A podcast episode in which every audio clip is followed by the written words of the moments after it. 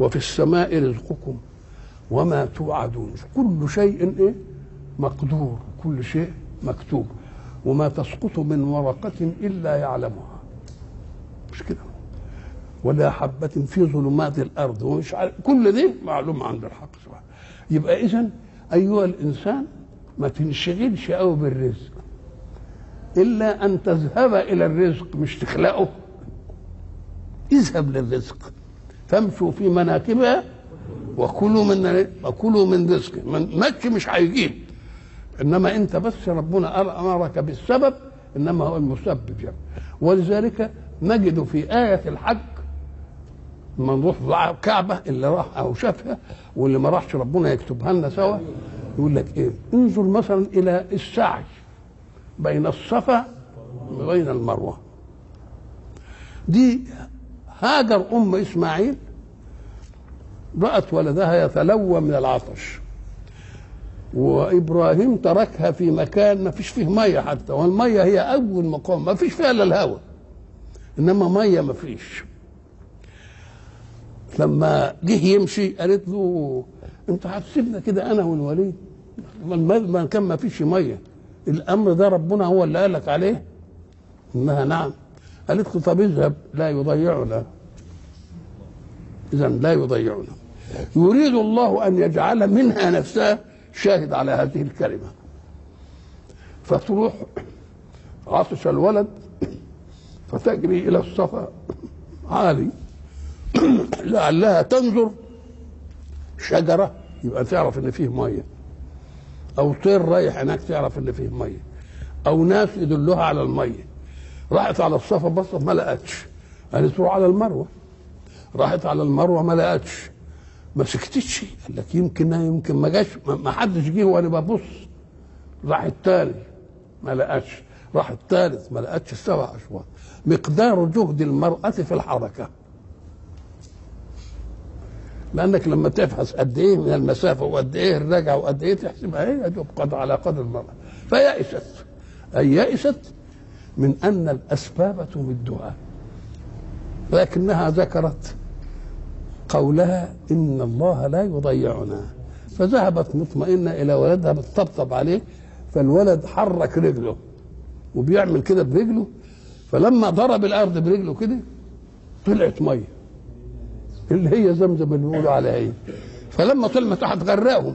قالت لها زم زم يعني ادينا على قد الله. إذا إحنا لما بنروح نسعى عشان يذكرنا الله سبحانه وتعالى بآية وهي الآية أن الرزق موجود من الله ولكن السعي مطلوب منك. السعي مطلوب منك. ولذلك إيه؟ الراجل اللي قال مش ربنا بيقول ان تتقوا الله يرزقكم كما يرزق الطير. ما نقعد بقى ويرزقنا. قال له يا أخي كملها. قال لك إيه؟ تغدو خماصا وتروح فلها غدو ولها رواح. نعم. وفي السماء رزقكم. حكى الأصمعي أنه سار يوما فوجد اعرابيا. هذا الأعرابي قال له أنت من أين؟ قالها له من أصمع؟ قال وماذا ومن أين أتيت؟ قال من المسجد. قال وماذا تصنعون فيه؟ قال نقرأ قرآن الله. قال لله قرآن قال نعم اقرأ عليه. فقرأ له والجاريات هذه. فلما وصل إلى قوله وفي السماء رزقكم وما توعدون. جاب السيف اللي كان بيصطاد به ومش عارف إيه والبتاع والنبال وراح مكسرها. قال ما دام رزق في السماء ومش عارف إيه. ربنا لم يكذب يقينا. بعدين قال الأصمعي فخرجت مع الرشيد اللي هو هارون الرشيد للحج فلقيت هذا الأعرابي. ولكني وجدته مصفر اللون نحيل كده مش عارف إيه راسك كده. فقلت ألست فلان؟ وقال ألست الأصمعي؟ قال نعم. قال ما الذي صيرك هكذا؟ اقرأ علي اقرأ علي ما قرأته سابقا. فقرأ عليه إلى أن جاء إلى هذه الآية. وفي السماء رزقكم وما توعدون. قال زدني. قال فورب السماء والأرض. إنه لحق مثل ما أنكم تنطقون. قال له الله من الذي أغضب الجليل حتى يحلف له؟ ألم ينظروا إلى هذه الأشياء؟ يوم يلجئوا الله على أنه يقسم بقى ربنا بيقسم لهم. فتعجب من أنه إيه؟ وقالها ثلاثا من الذي أغضب الجليل حتى أجاؤه إلى أن يقسم الله. قالها ثلاثا قال الأصمعي فوالله ما انتهى من الثالثة حتى فاضت روحه معها. فورب السماء والأرض. شوف كده كلمة رب السماء والأرض. إنه لحق يعني الرزق موجود في السماء ومحقول ما تخافش. فورب السماء والأرض. وأقسم بالسماء لأن الماء ينزل منها.